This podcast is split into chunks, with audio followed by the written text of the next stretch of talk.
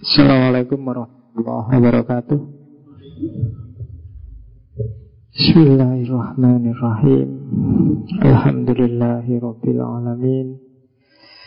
Wa bihi nasta'inu ala umuri dunya waddin Allahumma salli wa sallim wa barik ala sayyidina wa syafi'ina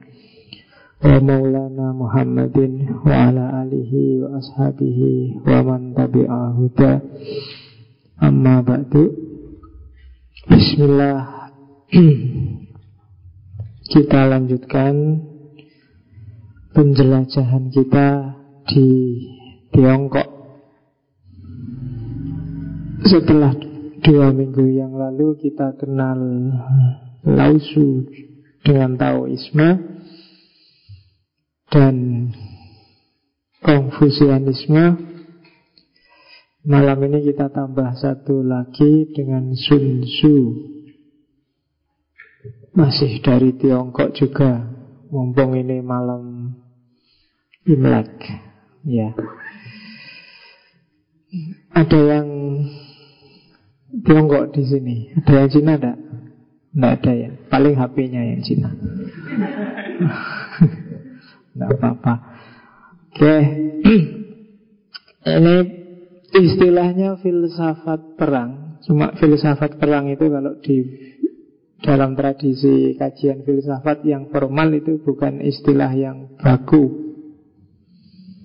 Ini filsafat secara istilah saja, etimologis. Dalam arti segala yang di depannya ada filsafatnya berarti dipikirkan secara mendalam, sistematis, radikal, terbuka, dan hanya demi kebenaran. Jadi itu tidak baku. Jadi kalian nyari mata kuliah filsafat perang tidak akan nemu. Nyari apalah termasuk juga di akademi militer atau di akpol karena itu bukan istilah baku. Orang bisa pakai istilah sesukanya dengan filsafat, cuma kalau tidak baku ya tidak ada pakemnya. Jadi kajiannya pasti tidak tertib, tidak terstruktur. Dia belum belum jadi ilmu. Lebih mudah kalau filsafat sosial misalnya. Nah, sosiologinya ada, ilmu jadinya ada. Tinggal difilsafati. Jadi kalian boleh bikin istilah-istilah filsafat yang tidak baku, cuma mesti tidak terstruktur. Agak susah. Jadi misalnya filsafat teh hangat misalnya apa filsafat, bisa tahu filsafat Cuma tidak baku istilah-istilah itu. Ya yang baku ya yang ada di buku-buku itu. Tapi boleh. Jadi hasil refleksi Kita sendiri secara mendalam Radikal, sistematis Tentang sesuatu. Itu terus disebut filsafat perang. Biasanya yang membedakan Bedanya apa pak? Mikir biasa sama mikir filsafat. Kalau filsafat biasanya Arahnya ke yang disebut metafisik. Metafisik itu melampaui yang kelihatannya saja. Jadi masuk lebih dalam. Itu biasanya terus disebut filsafat. Jadi akal tidak melulu sibuk dengan yang kelihatan, tapi masuk lebih ke dalam lagi. Filsafat perang juga gitu, tidak sekedar cerita gimana perang, tapi kira-kira perang itu bisa difilsafati seperti apa, ada apa di balik perang. Apa yang terlibat dalam perang? Makna-makna apa yang bisa muncul dari fenomena yang namanya perang? Oke. Jadi filsafat perang Sun Tzu berarti pemikirannya Sun Tzu tentang perang Tapi pikiran-pikirannya ini tidak sekedar cerita perang kayak gimana Tapi pikiran-pikiran yang radikal, mendalam, sistematis maka malam ini kita ketemu Sun Tzu. Kalau kalian coba-coba beli buku-buku tentang Sun Tzu, buku-buku tentang Sun Tzu 90-an ke belakang itu lebih banyak diarahkan ke dunia bisnis. Ada Sun Tzu of Management, ada Sun Tzu of Business, ada Sun karena memang dunia bisnis itu kan hari ini dunia yang pertarungan luar biasa. Kenapa saya kasihkan? Karena ya kita kan juga tiap hari perang sebenarnya.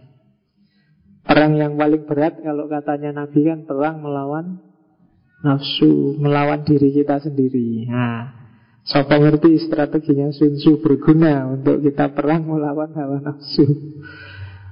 Ya kan? Jadi nggak harus dunia bisnis. Atau setiap medan yang kita masuki kan sebenarnya medan perang. Di kampus kamu harus perang sama temanmu saingan, dur-duran IP.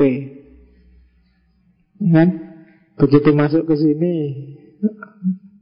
ngaji, mungkin nuansa perangnya kecil tapi ya pasti ada saja kan. Apa perang nyari tempat strategis yang ada sendenan nih apa kan itu kan perang juga. Perang nyari teh, perang nyari jadi macam-macam jangan salah. Nah, di mana-mana ada perang. Ke warung aja kan perang. Ya kan begitu masuk warung, oh tempenya wis entek kalah perang berarti kamu. Kedisian temenmu.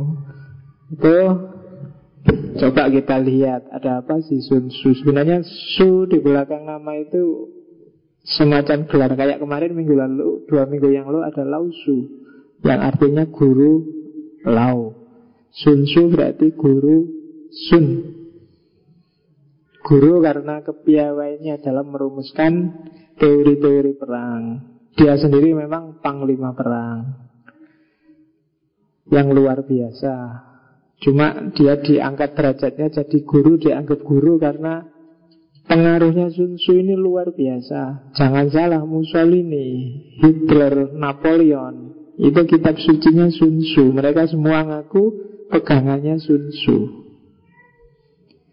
Karena itu ada baiknya kita kenal serba sedikit dengan Sun Tzu. Nama aslinya ada yang bilang Sun Wu. Jadi bukan Sun Tzu. Sejak kecil memang penggemar perang. Suka kalau ada lihat tentara jalan-jalan di depan rumahnya sama panglimanya dia tertarik luar biasa. Kemudian coba-coba menulis tentang kitab perang yang kemudian oleh temennya, oh kamu pinter ini, bukumu luar biasa, ayo kamu tak ajak ke depannya Kaisar.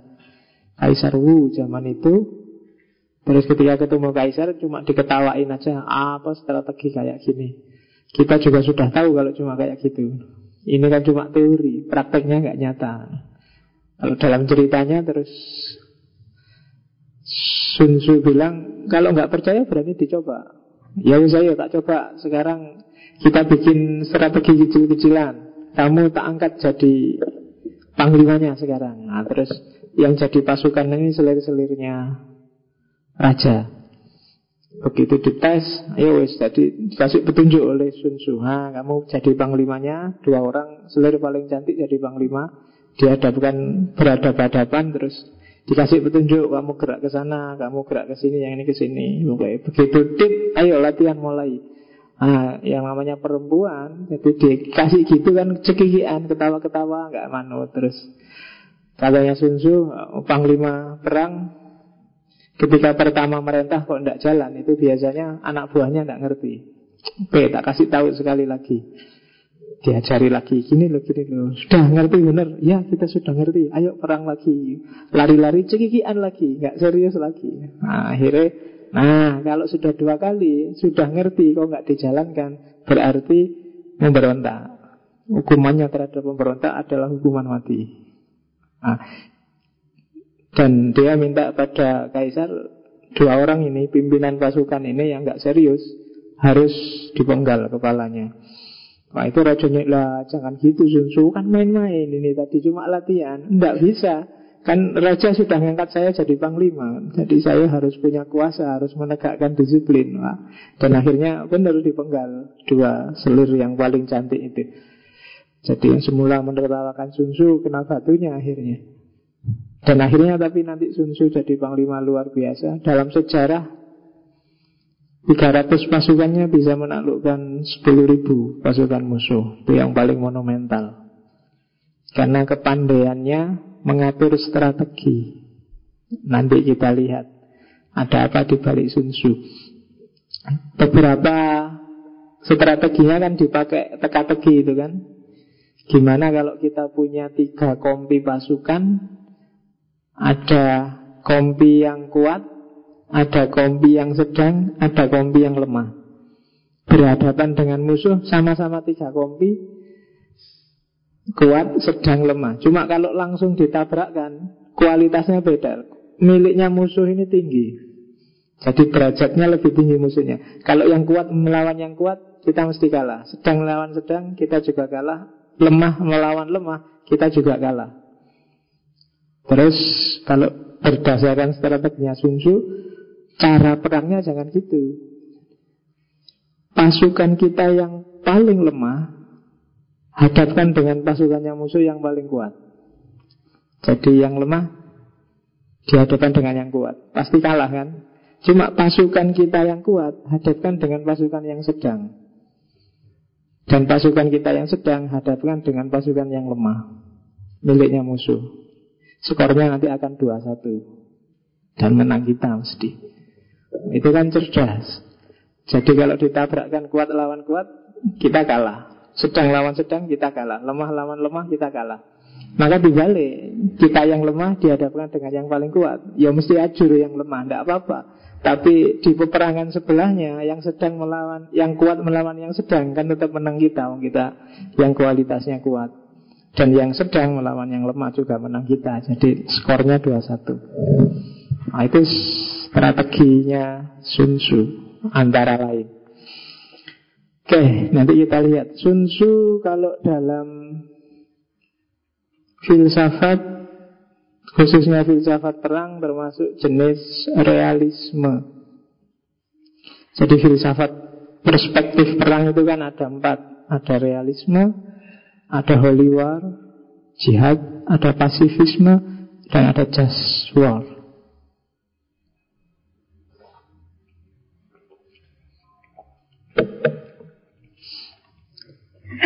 Ya, kalau di Cina ada Sun Tzu, mungkin nanti kita di India ada lagi filsafat perang, tapi dengan gaya kebalikannya Sun Tzu, yaitu Bhagavad Gita. Yang sabda-sabdanya Krishna itu sebenarnya juga sejenis filsafat perang. Pada saatnya nanti kita kalau sudah ke India, mungkin kita juga akan menjelajahi kita jadi sekarang dunia bisnis itu pertarungan antara dua perspektif. Jadi enaknya strategi bisnis itu pakai kita apa pakai Sun Tzu. Tapi orientasi duanya agak kalau kalau yang kita agak sufi. Kalau di Islam kan ada konsep futuah. Nah, itu agak bau-bau kita. Tapi yang Sun Tzu ini agak realisme. Makanya disukai oleh Hitler, disukai oleh Napoleon, Mussolini, dan kawan-kawan. Alirannya namanya realisme. Jadi realisme itu ya melihat kenyataan yang real apa adanya itu realisme, realistis. Lawannya biasanya idealisme. Ya perang ya benturan kekuatan, benturan kepentingan. Perang itu kan bela negara, maka yang namanya perang ya tujuannya gimana caranya menang. Simple. Pakai cara apa aja boleh, yang penting menang. Tidak ada perang itu yang jujur. Wong hakikatnya perang itu sudah tidak bermoral kok. Ngapain kita mikir, Pak, kita tarung juga harus fair toh Pak. Loh yo, hakikatnya perang itu sudah jelek. Bunuh membunuh, saling menjatuhkan yang lain, itu aja sudah tidak bermoral. Gimana mau pakai perang yang bermoral? Ah, itu realisme. Kan? Kita tanding ya tanding, tapi yang fair dong. Lalu tanding itu sudah sebenarnya ya sudah tidak fair. Kalau kepingin fair jangan tanding. Itu kan kayak kamu sepak bola. Bolanya dicuri itu kan ya memang gitu dicuri. Loh itu kan tadi bola aku. Ya kalau nggak mau curi-curian bola ya bawa bal 11 atau 22. Jadi hakikatnya kompetisi yang memang ingin menang Dan jalan untuk menang Itu ya monggo silahkan aja Mau curang ya silahkan asal tidak ketahuan Realisme Gaya seperti ini nanti yang diterapkan oleh Hitler dan kawan-kawan Tapi kan akhirnya sukses dia Kenapa ya? Kelebihannya realisme adalah Dia menguasai medan dan mikirnya nggak jelimet Simple, apa adanya. Nanti coba dirasakan ketika belajar Sun Tzu. Jadi nasihat-nasihatnya praktis. Tidak reflektif, tidak terlalu banyak mikir. Satu tambah satu ya dua. Itu kayaknya Sun Tzu. Jadi itu perang jenis pertama. Realisme. Ada juga yang selama ini sering jadi berita jihad holy war.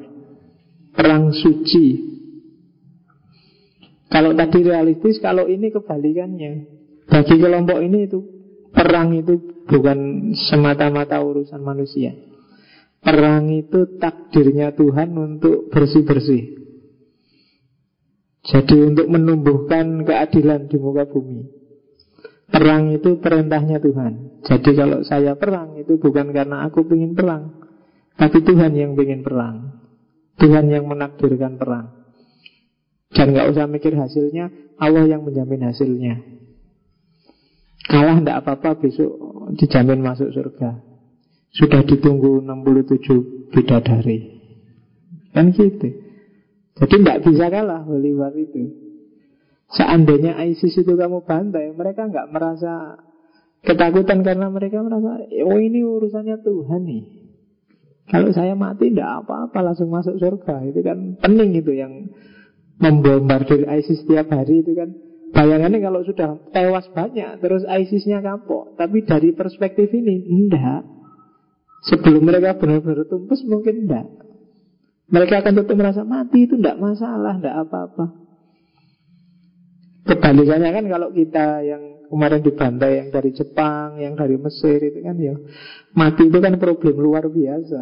Nyawa satu hilang Wah, pontang panting kamu kan. Tapi bagi mereka tidak penting. Mati itu bukan sesuatu yang luar biasa. Nah itu Jadi kenapa kok lama perangnya? Amerika yang sebesar itu menaklukkan ISIS cuma Kelompok berapa besarnya kok tidak selesai-selesai Semangatnya beda yang satu takut mati, yang satu berani mati. Berat itu kan menghadapinya. Dan perang itu bagi kelompok ini itu biasa aja wajar, tidak dahsyat. Itu sudah keniscayaan kosmis yang baik memang harus perang melawan yang jahat. Dan mereka mengidentifikasi diri, aku yang baik, yang lain berarti jahat. Ada darul Islam ada darul harb. Nah, Itu kan logikanya jihad. Ya meskipun kalau kita di Indonesia kan masih Apalagi level kita ya Masih merinding kan kalau dengar kata-kata jihad. Meskipun ada saudara kita yang sudah ke sana Ikut perang Tapi kalau level kita kan belum nyampe Tahu memang orang Indonesia memang konstruksinya nggak bakat perang. Meskipun dalam sejarah kita juga banyak mengalami peperangan. Saya tidak tahu teman-teman yang jihad ke sana itu mungkin mengalami penggembelengan yang luar biasa. Karena kalau dilihat dari kebiasaan dan mentalitasnya orang Indonesia apalagi orang Jawa itu kan biasanya susah untuk diajak bersusah-susah lama. Diajak tirakatan lama itu makanya terus. Tapi kalau di Hollywood kelebihannya adalah Doktrinasinya luar biasa. Jadi itu yang bikin susah orang. Kalau sudah kesenggol itu Ya kayak kamu aja. Misalnya kamu ikut organisasi apa, lembaga apa Dan lembagamu diotak adik Itu kan militansimu bangkit Tawuran ya apa-apa. Kemarin ada yang demo sampai korban motor. Tidak apa-apa. Itu kan kayak jihad logikanya.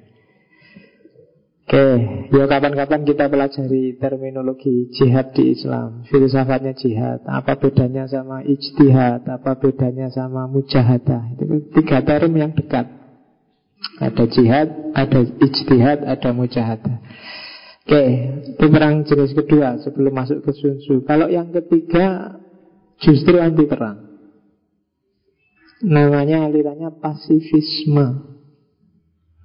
Ya dari gambarnya kelihatan. Gandhi. Atau ya kalau dari Kristen ada Martin Luther. Katanya Martin Luther Membalas kekerasan dengan kekerasan. Itu berarti yang lahir adalah kekerasan ganda Kekerasan double menambahkan kegelapan seperti menambahkan kegelapan pada malam yang tanpa bintang istilahnya. Agak agak puitis. Jadi keras dengan keras. Ya hasilnya keras double. Problemnya nggak selesai tapi terus jadi ganda. Itu katanya Martin Luther. Jadi tidak ada perang yang hasilnya seperti diharapkan oleh salah satu pihak. Hasilnya mesti rusak di dua-duanya Kalah kalau bahasa Indonesia kan kalah jadi abu, menang jadi arang. Jadi pasifisme perang ditentang daripada perang mending berunding. Kalau berunding nggak bisa nyerah aja nggak apa-apa. Lah kalah pak, nggak apa-apa. Bahkan pergi juga nggak apa-apa, terusir juga nggak apa-apa. Asal jangan perang. Itu dulu kan yang dilakukan oleh Gandhi itu waktu ada clash Hindu sama Islam. Dia bersumpah, saya tidak akan makan apa-apa, tidak akan minum apa-apa sampai kalian rukun. Itu Gandhi. Ya dengan gaya ini kan kemudian dia bisa merukunkan saat itu meskipun ya tidak jadi rukun dan pecahlah jadi India dan Pakistan. Tapi lumayan ancamannya Gandhi bisa meredakan luar biasa ketegangan zaman itu. Itu pasifisme. Ya pasifisme itu seandainya harus perang, perang itu alternatif terakhir. Tapi intinya mereka anti perang. Nah, itu Gandhi dan kawan-kawan jenis kedua. Anti perang itu bukan berarti tidak berani perang, berani perang. Bahkan Mungkin menang kalau perang, tapi tidak mau perang. Itu pendekar kelas tinggi itu. Kalau kita kan nggak berani perang karena merasa kalah mesti aku tidak perang. Tapi pendekar dahsyat itu dia kalau perang nggak mungkin dia kalah, tapi dia tidak mau perang. Urut-urutannya pendekar kan gitu. Yang pertama pendekar yang bisa mengalahkan musuhnya, dan yang paling tinggi adalah pendekar yang sama sekali tidak menemukan musuh. Karena semua orang tidak ada yang tidak suka padanya. Oh, itu pendekar yang paling dahsyat. Kalau sekedar mengalahkan musuh gampang. Tapi memposisikan dirimu sehingga sama sekali nggak ada yang musuhin kamu, itu berat. Dan itu yang dilakukan Gandhi. Tidak ada faksi-faksi yang bertiga zaman itu yang tidak suka sama Gandhi. Termasuk yang Islam. Bahkan yang nembak Gandhi kan bukan bukan lawan politiknya tapi orang dalamnya sendiri. Karena kecewa dengan Gandhi. Itu pasifisme. Oke. Yang ketiga ada teori just war. Perang keadilan.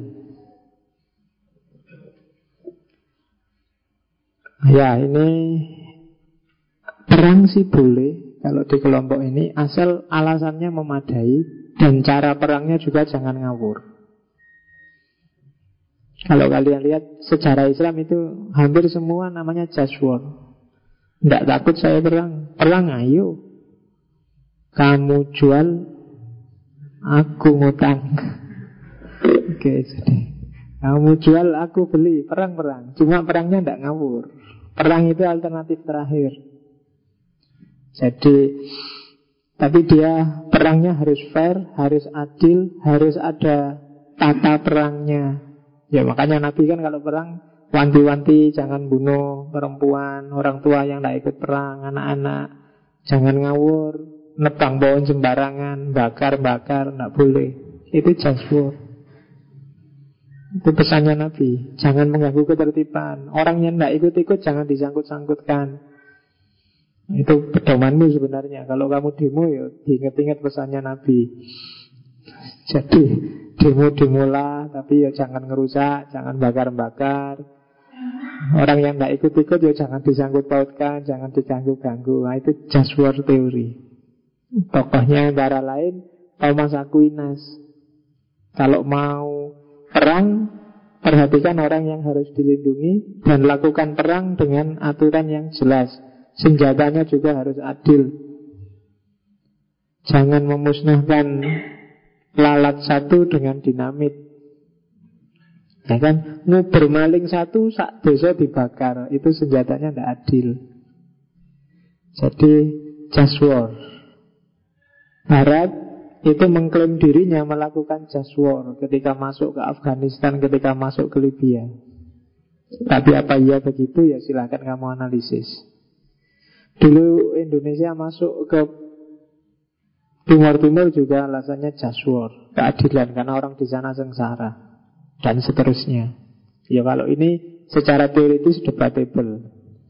Tapi yang jelas ada jenis just war, ada jenis pacifism, ada jenis realisme, dan satu lagi ada jenis holy war. Itu yang hari ini berkembang di dunia perang. Oke, kita masuk ke Sun sekarang. Ada apa dengan Sun Tzu?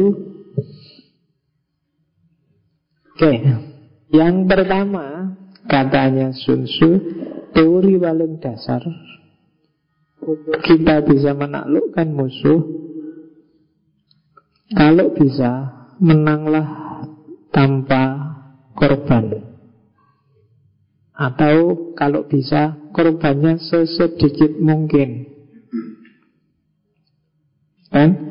Caranya apa? Yang pertama, pahami posisi strategis.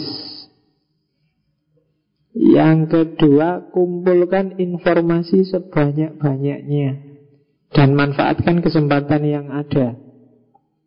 Yang ketiga, pilihlah aksi yang korbannya minimal. Kalau ada yang bahaya, jangan nekat, hindari bahaya. Yang keempat, waspada terus dengan segala situasi dan respon dengan tindakan yang diperlukan. Yang kelima, lakukan pilihlah tindakan dengan keuntungan paling besar. Kalau kamu bisa melakukan lima ini, kamu akan menang dengan korban minimal. Perang apa pun, ya kalau tadi kamu bilang perang melawan hawa nafsu juga kalau bisa itu. Perang melawan hawa nafsu berarti ya kamu harus Pahami posisi strategis Pahami dirimu sendiri. Ya kan? Kamu itu cirinya apa? Kelebihan kekuranganmu apa? Cari informasi sebanyak-banyaknya tentang dirimu. Jadi perangmu melawan hawa nafsu nggak banyak korban. Kan banyak kamu sering-sering melakukan perang melawan hawa nafsu Korbannya besar Tirakatan Tapi akhirnya kuliahnya keteteran Pak saya ngantuk pak nggak konsentrasi di kelas Tadi malam saya tahajud pak 200 rakaat. Ya kan? Menaklukkan hawa nafsu. Benar kamu menaklukkan hawa nafsu, tapi korbannya terlalu besar. Tuh. Kamu boleh mengabdi pada Allah. Makanya di Islam itu kan gitu. Yo, sholat ya sholat, tapi yo kawin. Jangan ngabdi pada Allah akhirnya tidak kawin. Eman-eman. Belum, korbannya terlalu besar. Allah juga tidak kesenangan kamu kayak gitu. Allah itu sayang padamu menciptakan kamu secara luar biasa kamu menyengsarakan dirimu sendiri kan yang menciptakan kecewa. Jadi yo tirakat ya tirakat, menaklukkan hawa nafsu ya ditaklukkan, tapi yang cerdas tidak boleh kontraproduktif. Hasilnya sholat malam 200 rakaat apa? Ya cuma ngantuk ini pak, kuliah kacau akhirnya. Jadi gali informasi sebanyak-banyaknya, pilih tindakan yang korbannya kecil, kalau bahaya dihindari. Itu strateginya Sun Tzu. Kamu perang melawan apa pun kan harus gitu. Jangan konyol. Kalau ada yang bahaya, saya akan memberani, Pak. Bahaya enggak apa-apa, ya enggak. Harus perhitungan. Jadi strategi perang pertama adalah kebijaksanaan anti korban. Jadi jangan ngambil resiko menang tapi kamu sendiri habis. Nggak tahu mau apa selanjutnya. Karena kamu sendiri hakikatnya selesai dengan perjuanganmu karena korbannya terlalu besar. Cari yang menguntungkan dirimu. Tidak ada gunanya kamu menang tapi pasukanmu habis. Begitu perang selesai kamu mau ngapain tidak jelas Begitu selesai tirakatmu kamu sakit Selesai sudah kan nggak ada gunanya tirakatmu Saya puasa 40 hari, 40 malam Pak, biar semua perempuan tang tunduk padaku misalnya. Tang puluh dino loh, bar poso, yo semua perempuan suka loh, tapi kamu mati. Tidak ada gunanya. Ya kan, bunuh diri 40 hari, 40 malam tidak makan apa-apa, kurus, kering kamu. Jadi jangan. Jadi prinsip pertama adalah menanglah dengan cerdas sesedikit mungkin korban. Nah itu keyword pertama Jadi dalam perjuangan hidupmu Jangan konyol Rumus pertama Oke Rumus kedua Kalkulasilah lima hal ini. Dalam perang. Yang pertama Alasan moral. Yang kedua Lingkungan sekelilingmu. Yang ketiga kondisi real. Yang keempat karena ini pasukan Kepemimpinan. Dan yang kelima manajemennya Kamu harus kalkulasi benar Kalau kamu bisa mengkalkulasi lima hal itu Kamu akan kenal kekuatan kelebihanmu Yang pertama alasan moral Alasan moral itu Visi misi harus sama. Bagi yang punya organisasi, punya lembaga, yang nomor satu itu vital. Kalau visi misinya nggak sama, lembagamu tidak akan solid. Perang pasti kalah. Semua harus punya semangat yang sama, punya target yang sama, punya dasar nilai yang sama.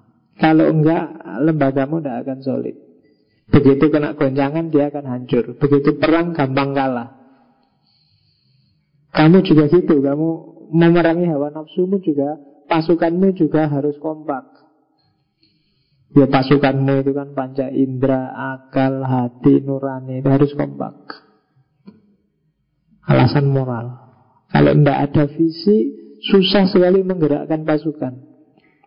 Kalau kamu nggak punya azim, nggak punya target, nggak punya cita-cita, tidak akan bergerak. Harus punya dasar moral. Makanya kenapa kok kamu hari ini gampang galau Saya yakin karena kamu ngambang Besok mau ngapain? Tidak jelas. Tidak ada visinya.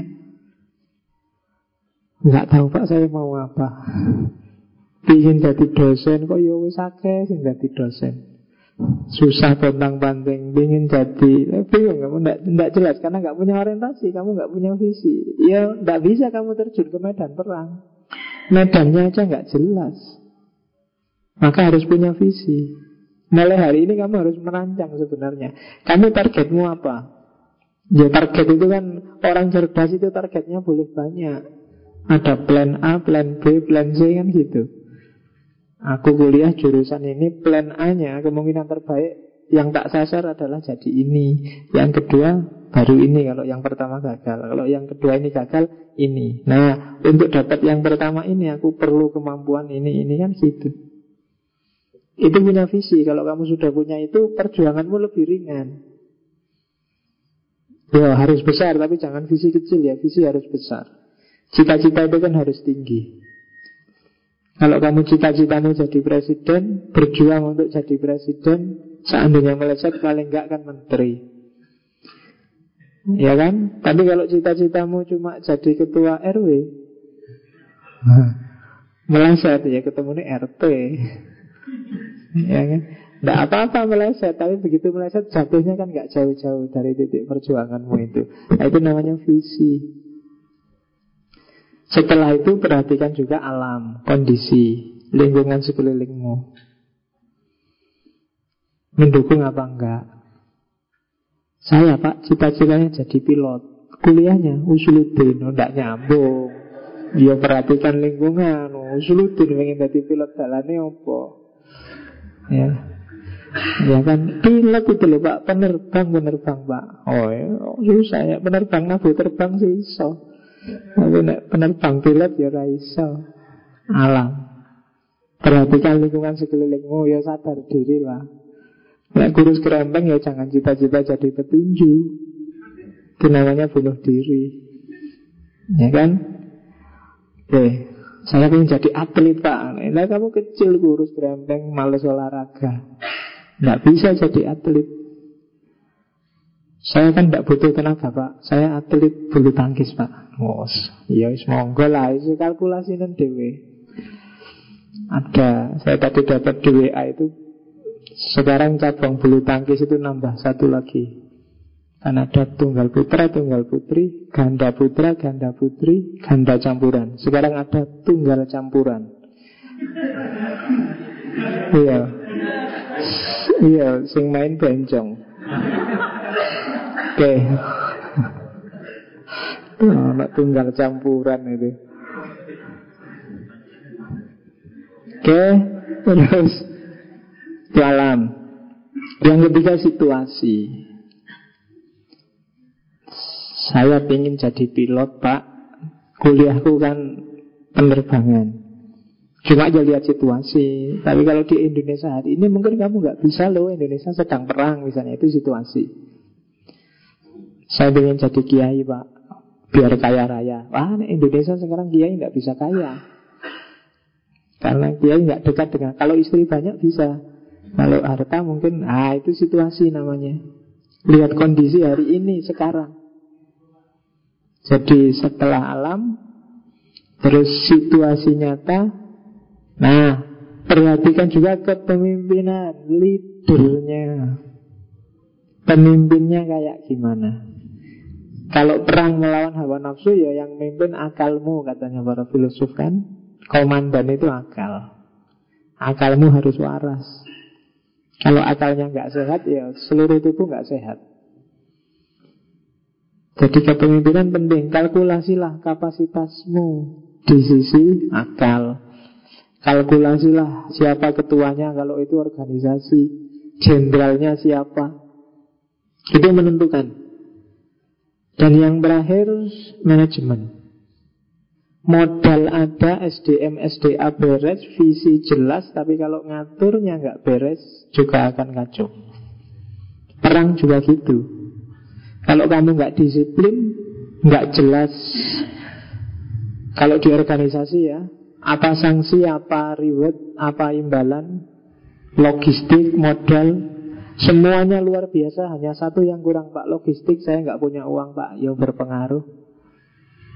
Jadi manajemen penting, pemimpin penting, pahami situasi kekinian, pahami lingkungan sekelilingmu, dan visimu harus jelas.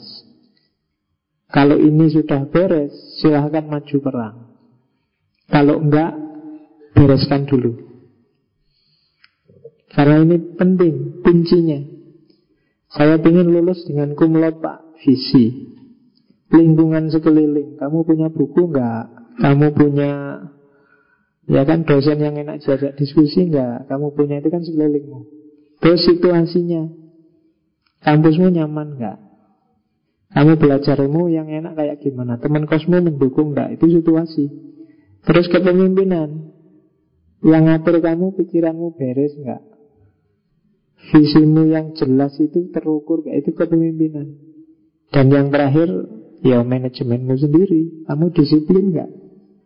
Memanage perkuliahanmu beres nggak? Kalau semua beres, kamu benar akan jadi lulus cum laude. Nah, itu dikalkulasi. Jadi tidak boleh Pak saya hidupnya mengalir saja. Ya sudah selesai. Tidak bisa. Katanya Sun Tzu ya Harus dikalkulasi. Kamu harus kenal benar siapa dirimu. Kalau enggak jangan turun ke medan perang Mesti kalah. Oke. Itu yang kedua. Yang ketiga Perencanaan sekarang ini rencana sebelum perang. Perhatikan waktu Nomor satu. Hindari pertempuran yang berlarut-larut. Suwi. Tidak selesai-selesai. Itu kalau mahasiswa suwi. Tidak lulus-lulus. Itu masalah. Perang harus ada titik akhirnya. Kalau nggak selesai-selesai rugi kamu. Moralnya turun Biaya habis Dan kalah. Kalau perang beneran jadi yang skripsinya nggak selesai-selesai, moralmu kan turun.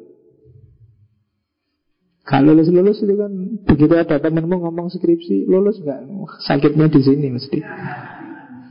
Ya kan? Kapan wisuda? Sudah S2 ya, S2 gundul mungkin gak lulus-lulus. Ya kan?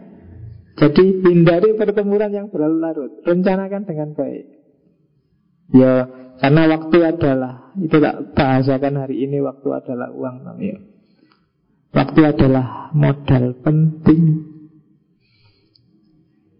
Semakin panjang waktu Semakin habis perbekalan Dan pengeluaran harian Kalau nggak dikalkulasi bagus Bisa merusak Kayak zaman dulu waktu Mataram menyerang Batavia.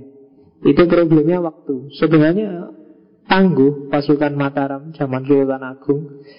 Tapi terlalu panjang waktu perangnya. Sehingga hancur. Ya persis kayak zaman Pangeran Diponegoro. Meskipun ada yang bilang itu kan perangnya waktu maghrib Pak, cuma 5 menit 1825 sampai 1830 Lima tahun itu terhitung panjang Lima tahun itu bukan lima menit Zaman perang. Sehingga tahun-tahun terakhir kan mulai goyah. Modal habis, konsolidasi tidak jalan ya Dipecah-pecah sama Belanda.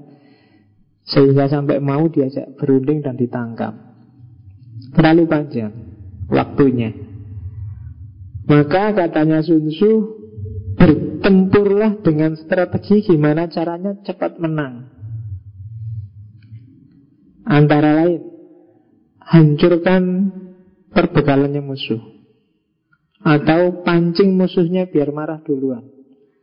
Atau provokasi anak buahmu biar semangatnya berlipat-lipat.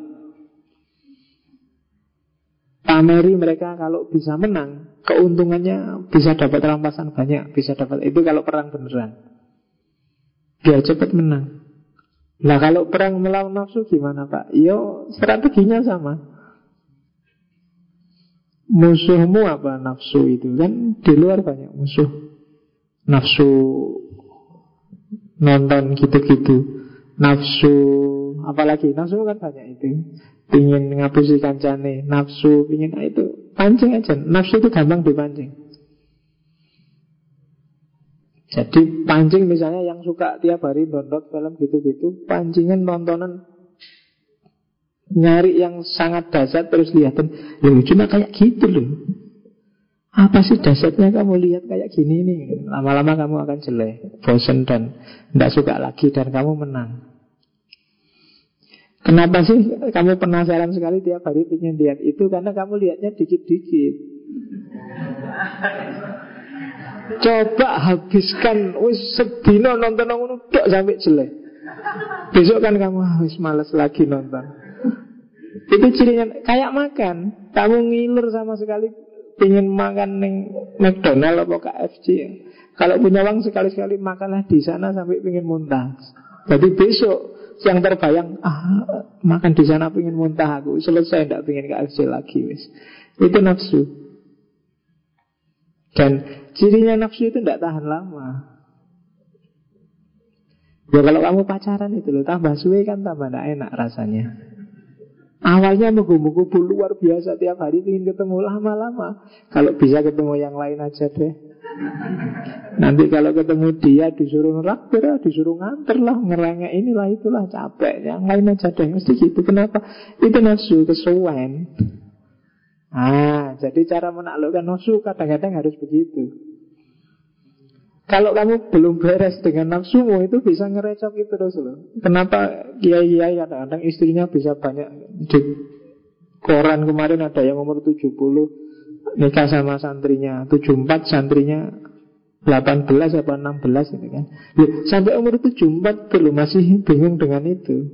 Jadi ada baiknya kamu puas-puaskan sampai muntah nah, Besok tidak pengen lagi Itu sarannya Sun Tzu Jadi Hari ini kan kamu empat Kamu ha, Itu biasanya malah nguatiri Kadang-kadang yang dari pondok itu Pacaran tambah luar biasa Karena selama ini diempet Ya kan? Coba yang nggak pernah mondok tiap hari koncone wetok-wetok lawan jenis senggol-senggol nggak apa-apa, tapi yang nggak pernah jangankan disenggol. Temen ceweknya dehem apa senyum aja dia bonjang ganjing luar biasa itu. ya kan? Karena nggak pernah. Sementara yang biasa buat disenggol kadang duduknya senden sini tidak apa-apa biasa aja. Tapi kamu yang didehemi aja sudah bisa terbawa mimpi itu. Kan? Ah, itu nafsu. Jadi semakin kamu tahan-tahan, dia semakin membahayakan dirimu. Oke, makanya sama Nabi kan nggak disuruh mutus, tapi kontrol lah. Kan gitu. Oke. Kenapa sih perang harus cepat? Ya iyalah, semakin cepat perang, semakin cepat kamu damai. Kalau perangmu melawan hawa nafsu itu lama, kamu akan capek. Energimu terkuras ke situ terus, berlarut-larut. Tidak akan ada untungnya sama sekali. Kayak tadi, akhirnya kontraproduktif. Misalnya, Nabi bilang kalau kamu ingin nikah dan gak mampu puasa aja. Ah, itu kan puasa itu untuk menaklukkan nafsumu. Nah ini kalau perangmu lama kan kamu puasa terus. Kontraproduktif pasti Puasa itu bagaimanapun ya lemes Ya, jadi manis tahu amin kumul ba'a fa'alaihi bisau Di poso Kalau nggak bisa Zaman saya di pondok nggak cuma bisau Tapi bisobun Iya. Nggak apa-apa lah Itu kan. Kamu kok ketawa? Pengalaman kok. Ya, tidak apa-apa itu. Amal yang disukai katanya Nabi. Yang disukai Allah itu amalu rojulun. Iya kan? Ayul akmalu ahabu indallah amalu rojulun biadihi. Jadi kerjaannya cowok dengan tangannya itu sangat disukai oleh Allah. Oke, sampai situ ngomong apa aku mau. Oke, kita lanjutkan. Karakter pemenang. Katanya Sun Tzu, coba dilihat. Inilah cirinya orang yang akan menang. Yang pertama, orang yang tahu kapan harus perang dan kapan tidak. Ini mesti orang cerdas. Kalau dia tahu akan kalah, ya tidak usah perang aja. Kalah. Jadi kalau dia yakin menang baru dia mau perang. Nah ini mau kerengan ah, Yakin menang, ayo Tapi nah, ini mau kerengan ah, Kerengan itu tidak boleh, kekerasan Nah itu, pintar berarti dia Ngerti kapasitasnya Orang kayak gini mengkhawatirkan. Hati-hati dekat orang cerdas. Dia tahu kapan harus perang, kapan tidak. Kapan harus maju, kapan harus mundur. Jadi hidup itu nggak selalu kamu harus nabrak maju terus. Sekali-sekali harus ngerti Oh harus ada ngalahnya. Karena memang kadang-kadang kamu kalah. Tapi gayanya kalah kan? Oh enggak bapak aku ngalah aja dulu. Padahal memang kalah Kalau sudah jelas kamu merasa menang Serang Nah itu karakter pemenang Yang kedua Orang yang tahu cara mengelola kelebihan dan kelemahannya kamu sendiri yang tahu kelebihan kelemahan aku dan kamu ngerti cara mengelolanya mengelola ya lah. Kelebihan dan kelemahan itu pasti dimiliki setiap orang. Caramu menyikapi harus pas. Kelebihanmu kamu manfaatkan seperti apa, kelemahanmu kamu atasi seperti apa. Itu menentukan. Indonesia ini kelebihannya apa, kelemahannya apa. Nah, pemimpinnya harus bisa mengelola. Kalau enggak, wassalam. Punya laut luas tapi enggak, enggak ada yang mengelola atau dikelola orang lain. Indonesia negara maritim tapi yang bisa renang tidak ada 50% rakyatnya. iya kan? Ya coba aja, ayo di ruangan ini yang ahli renang paling tidak ada separuhnya. Padahal rumahnya tiap hari banjir Dekat sungai, dekat laut Itu berarti kamu tidak ngerti kelemahan dan kelebihanmu Padahal nenek moyangnya orang pelaut kamu tidak berani sama laut Naik kapal mabuk Iya, itu yang kedua. Kota Podoa saya banjir. Yang kedua, ia yang pasukannya punya tujuan sama, kemenangan. Visi tadi. Begitu visi tidak jelas atau visinya beda-beda, jangan perang. Kamu mesti kalah. Demo kok tidak jelas. Dalam rangka apa sih demo itu tidak ngerti, yang penting dibayar kok. Nah, itu wassalam sudah. Hasilnya mesti blunder. Jadi kontraproduktif antara yang dia hasilkan dengan perjuangannya nggak nyambung. Kenapa visinya beda? Melawan hawa nafsu juga gitu. Kamu kalau visinya nggak jelas ya nggak akan menang. Kemudian yang keempat orang yang selalu siap dan waspada dari serangan musuh. Ini biasanya menang. Kalau urusan nafsu ya berarti kamu ngerti kelemahanmu di mana. Saya pak, kelemahanku kalau nonton film gitu-gitu pak, akhirnya nggak bisa tidur. Ah, maka saya nggak usah nonton pak. Itu siap namanya waspada. Jangan sampai aku diserang yang gitu-gitu.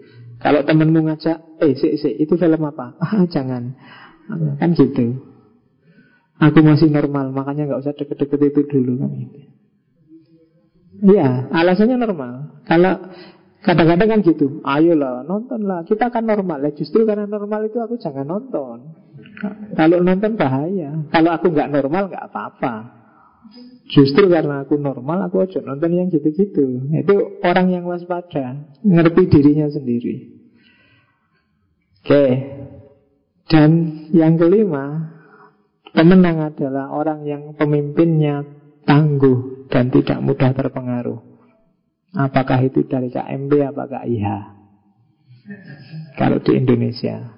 Jadi punya pendirian. Kalau pemimpinnya nggak tangguh, yo jangan diharapkan rakyatnya tangguh.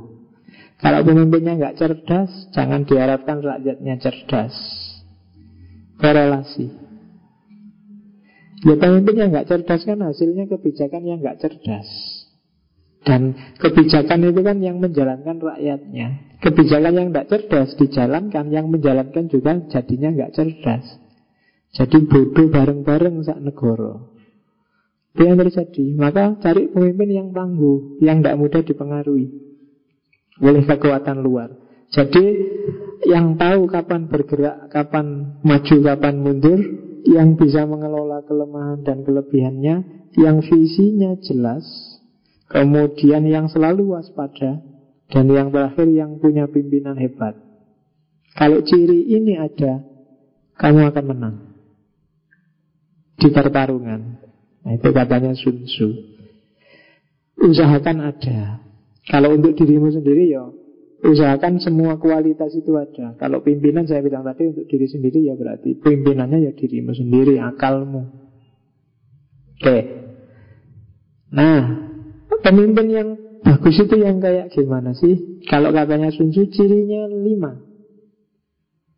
Bijaksana, jujur, manusiawi, berani, dan tegas. Kalau ada orang kayak gini pilihlah jadi presiden. Menurut Sun Tzu.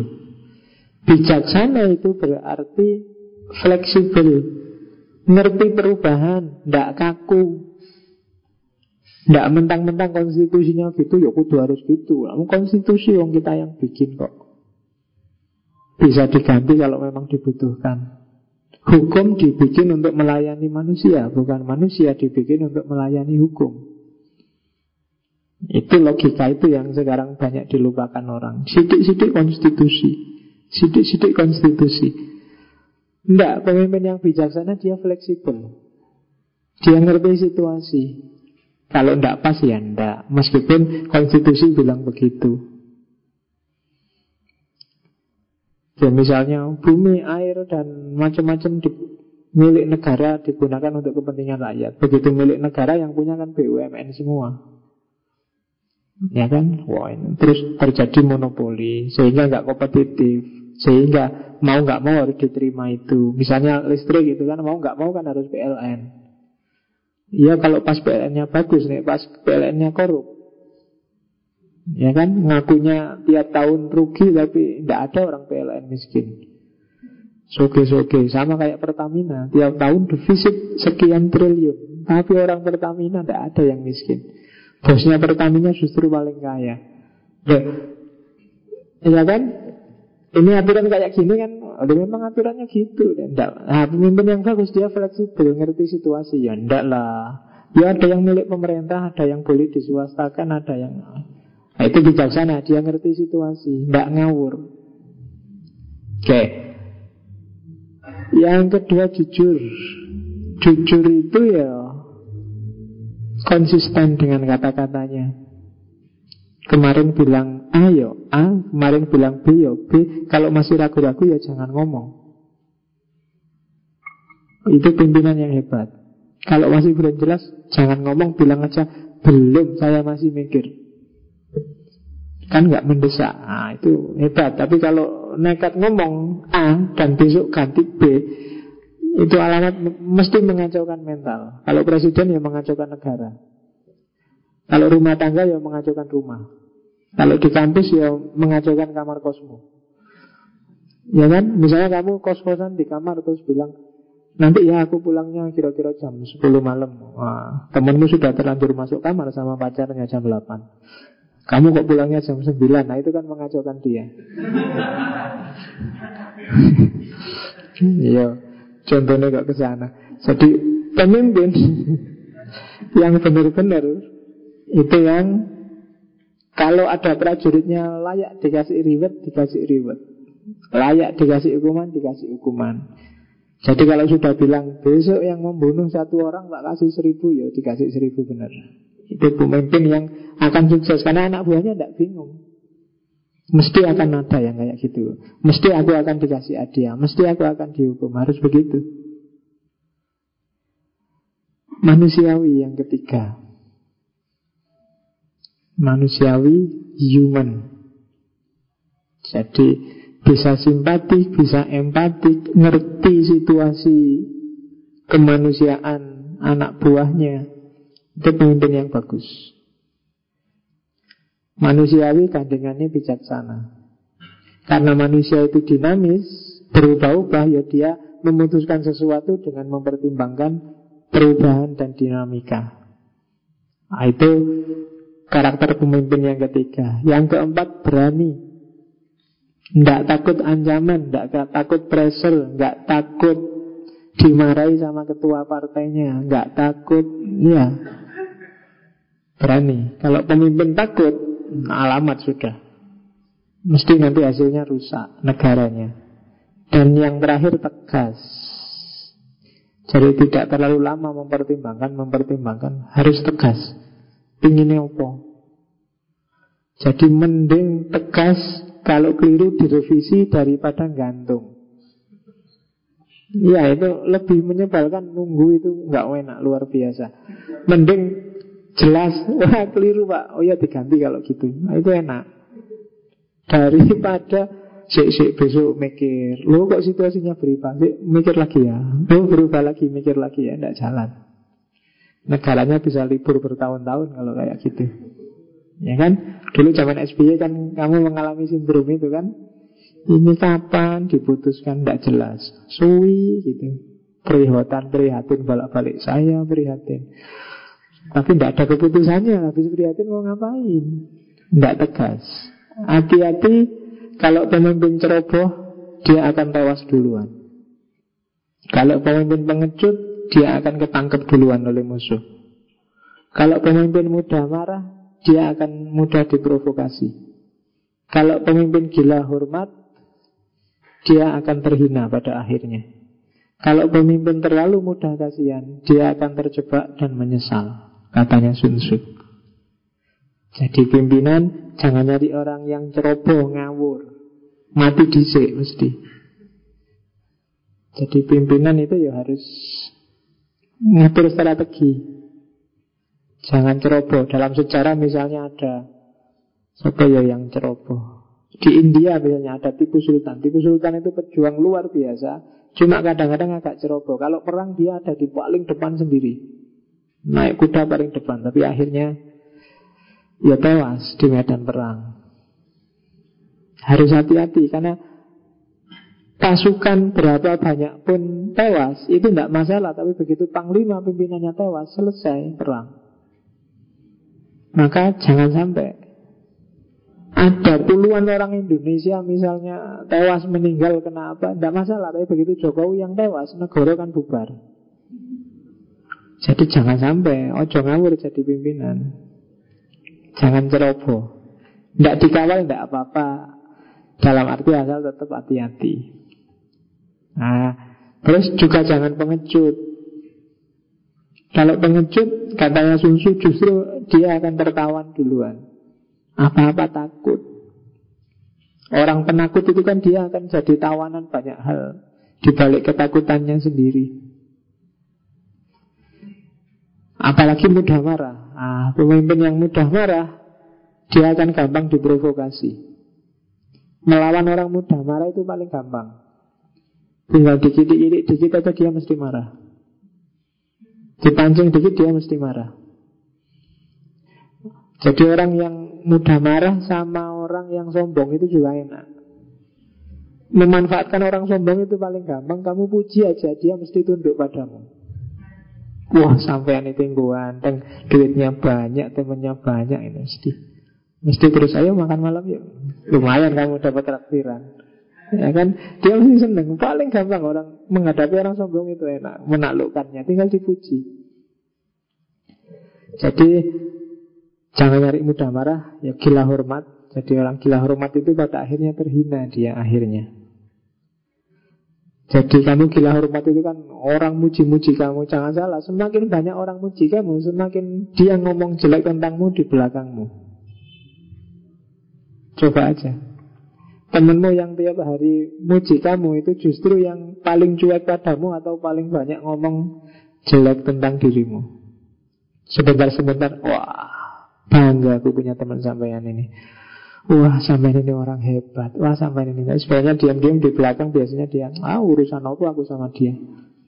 Biasanya gitu. Maka hati-hati orang yang gila hormat dia akan terhina. Dan orang yang terlalu mudah kasihan pada orang. Kasihan itu bagus. Tapi jangan terlalu mudah kasihan. Gampang ditipu kamu nanti. Kalau pimpinan kadang-kadang harus tegas. Hukuman mati ya hukuman mati Ya memang kasihan orang hidup ditembak sampai mati Tapi Membacanya kan secara luas Biar nggak menyesal Biar nggak terjebak Itu karakter pemimpin, pemimpin yang kuat Bijaksana, jujur, manusiawi, berani, tegas Tidak ceroboh, tidak pengecut Tidak mudah marah, tidak gila hormat Dan tidak terlalu mudah kasihan kalau ada orang kualitasnya kayak gini, jadikan dia panglima, jadikan dia presiden. Akan beres urusan perang. Nah, oke, okay, sekarang kekuatan.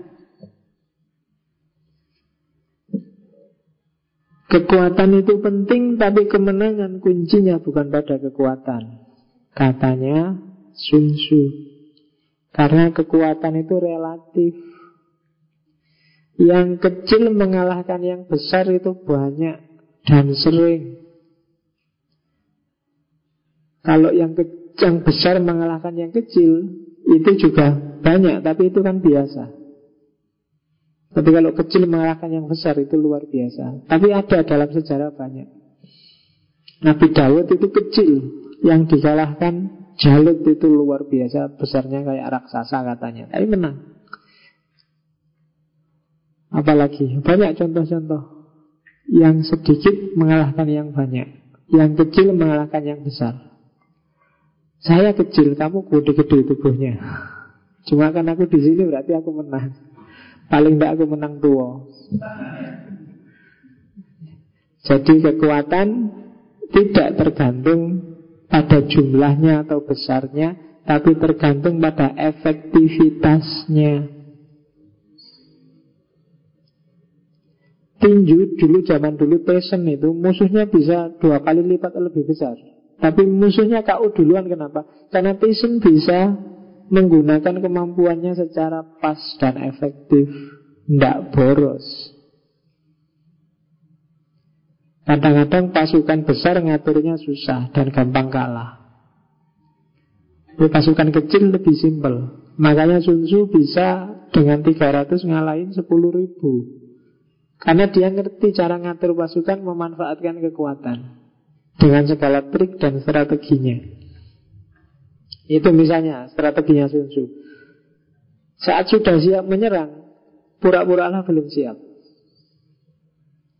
Jangan-jangan kamu siap nyerang Tarung mesti menang Tapi untuk memastikan kemenangan Kamu pura-pura dulu gak siap Untuk menjajaki kekuatan musuh Di kampus misalnya diskusi Jadi kamu sudah ngerti problem itu Tapi coba sih pura-pura gak ngerti dulu Kira-kira temenmu sampai mana wawasannya Nah itu kan sering kayak gitu. Oh itu kan bisa telak itu kan Mengalahkannya enak jadi, wah aku nggak ngerti ya coba menurutmu gimana? Oh, gitu toh menurutmu? Menurut aku nggak kayak gitu. Yang benar itu gini gini gini. Oh, itu kan kalahnya telak temenmu. Jadi kalau sudah siap menyerang, pura-pura doang nggak siap. Oke, saat sudah bergerak, pura-pura lah kamu nggak gerak, diam. Saat sudah dekat, Gimana caranya? Musuh nganggap kamu masih jauh. Jadi orang sudah nganggap Wah kami itu pinter. Oh enggak, toh, saya biasa-biasa. Yang lebih banyak dari saya banyak loh. Yang lebih hebat banyak loh. Iya toh, iya Jadi saya nggak ada apa-apanya. Tapi sebenarnya kamu, aku itu apa-apa. Jangan salah. Itu cuma pura-pura aja. Nah itu kan strategi perang namanya Sering kan kamu ketemu teman kayak gitu. Jangan-jangan dia lebih hebat Dan kamu tahu dia lebih hebat Tapi kayaknya kan kayak dia nggak ngerti apa-apa. Gimana ya? Wah hebat sekali ya kamu ngerti itu. Padahal itu dalam hatinya ketawa. Kayak gitu aja bangga. Nah itu sebenarnya strategi perang juga. Kenapa dia gaya kayak gitu? Karena dia ngerti Dia bisa ngalahkan kamu. Dia bisa mendominasi kamu. Makanya katanya Sun Tzu Buatlah musuh tidak tahu kekuatan, situasi, dan tujuan kita yang sebenarnya Lalu diam-diam bersiaplah dan seranglah tiba-tiba Nah itu strategi paling dahsyat untuk mengalahkan orang lain Jadi Orang nggak ngerti, kita sudah ngerti apa saja, sudah belajar apa saja, sudah anu apa saja. Kamu sudah belajar filsafat sampai pertemuan ke hampir 70, wow, wawasan luar biasa. Begitu temenmu ngomong filsafat dalam batinmu, ah sekali cuma itu, gak level. Ah misalnya. Tiba-tiba kamu menyerang Terus kamu serang. Wah yang kamu omongkan itu keliru Yang benar gini Wah itu bukan telak kalahnya musuhmu. Karena dia nggak nyangka sama sekali Ternyata kamu ngerti. Kalau dia sudah nganggap Dia tidak akan kayak gitu kan? Karena dia tidak nganggap Maka dia tidak siap Ketika diserang habis-habisan. Nah itu strategi perang Oke jadi kekuatan Tidak nomor satu. Terus ya ini yang harus dieksploitasi juga strategi medan dan musim. Perhatikan perubahan musim, cuaca, temperatur, waktu. Ini kalau dalam perang yang sebenarnya penting. Dalam sejarah misalnya Napoleon Kekalahan Napoleon di Rusia itu kan karena badai salju. Itu pinternya Jenderal Rusia. Dipancing biar Perancis nyerangnya di waktu itu, di jam itu yang akan ada badai salju. Atau Sugiliang melawan Sau-Sau Bagi yang sudah nonton Ini sebenarnya ceritanya Samko Tiga kerajaan. Yang sudah nonton Redcliffe Film Mandarin. Cariin filmnya yang belum nonton Itu sebenarnya epic sejarah ya Ditambah fiksi dikit-dikit jadi judulnya Red Cliff Itu kan Sugiliang itu pasukannya tidak imbang, luar biasa. Selisihnya puluhan ribu tapi bisa menang karena memanfaatkan angin. Memanfaatkan cuaca dan memanfaatkan psikologinya orang. Pasukannya itu tidak punya senjata sama sekali, senjatanya terbatas, butuh anak panah banyak. Maka dia membawa kapalnya mendekat ke arah pasukannya. Kapalnya ini diisi jerami sebanyak-banyaknya yang di kapal cuma satu orang satu orang sehingga dan masuk ke dekat kapalnya musuhnya cuma dia pintar baca situasi karena situasinya berkabut Begitu dekat sama kapal, musuhnya nganggap, oh ini sudah nyerang ini. Ada beberapa kapal mendekat. Ayo dihujani dengan panah. Dihujani dengan panah banyak sekali dan dapat puluhan ribu panah gratis. Di situ kan banyak jerami. Akhirnya pulang bawa puluhan ribu panah. Lumayan. Dan dia punya modal untuk perang. Akhirnya musuhnya kalah. Nah itu ngerti medan. Ngerti situasi. Ya kalau kamu pendekatan sama Pacarnya juga kan harus lihat situasi Dia sedang galau apa sedang seneng apa kan juga harus ngerti juga Begitu salah situasi mungkin kamu dekati bisa malah marah Bisa malah itu kan situasi namanya sama dosen juga gitu, gitu dosennya lagi enak hatinya nggak ya? Karena begitu dosennya lagi nggak enak hati, kamu mendekat, wah malah kena dapat marah. Ditanya baik-baik, udahlah kamu mahasiswa apa, males, udah pergi sana. Nah itu. Ya kan? Oh itu kamu nggak lihat situasi. Kalau dosennya sudah gelagatnya kayak gitu Ya mungkin baru gegeran sama istrinya di rumah apa-apa Jangan mendekat. Kamu kena semprot nanti. Ya, Pahami situasinya. Oh, Ini di kelas kok marah-marah terus ya bapak ini. Ini mungkin gegeran sama istrinya. Kamu manuto wae daripada kenal. Nah, hati-hati. Karena begitu kenal Wassalam nanti. Urusannya kan masa depan itu. Oke, jadi lihat medan. Yang benar di kampus kan juga medanmu. Oke,